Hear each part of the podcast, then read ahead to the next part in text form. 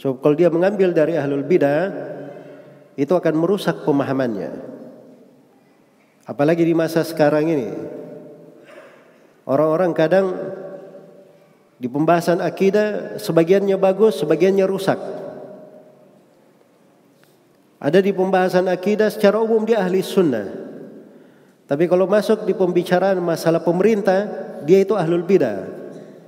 Di pembahasan seputar pemerintah.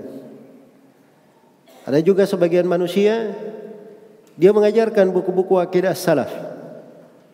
Tapi kalau sudah masuk di pembahasan tentang politik, itu pemikiran ikhwanul muslimin.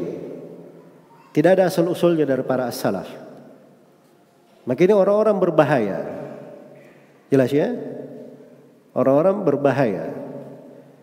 Karena itu kadang ada sebagian orang yang tidak paham.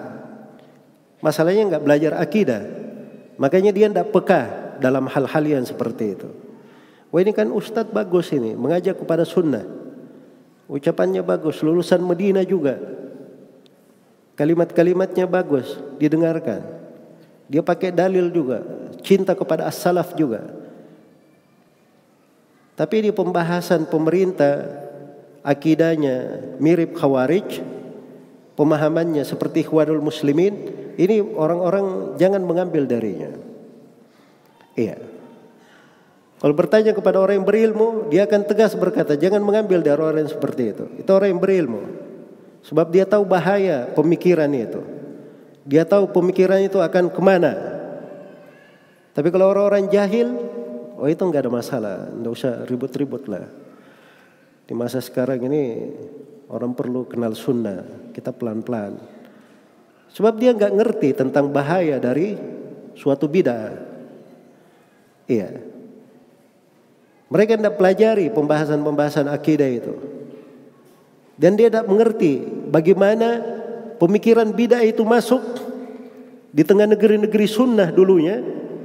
Masuknya itu pelan-pelan, sedikit-sedikit. Dari pembahasan-pembahasan kecil tadinya, satu dua masalah, akhirnya berubah menjadi pemahaman ahlul bidah masuk ke negeri tersebut. Sebab dari awal cara berpikirnya seperti itu. Oh, enggak usah di ini. Dia juga kan ahli sunnah di sebagian hal. Jadi kalau ahli sunnah tidak berbicara meluruskan kesalahan-kesalahan, ah, itu sebenarnya kekeliruan ya. Ya kekeliruan yang besar. Iya. Baik. Ah, ini di antara manfaat seseorang itu mempelajari akidah as-salaf. Itu akan membuat dia teguh di atas sunnah paham apa yang harus dia pelajari, dia belajar bagaimana caranya, itu dia akan memahaminya.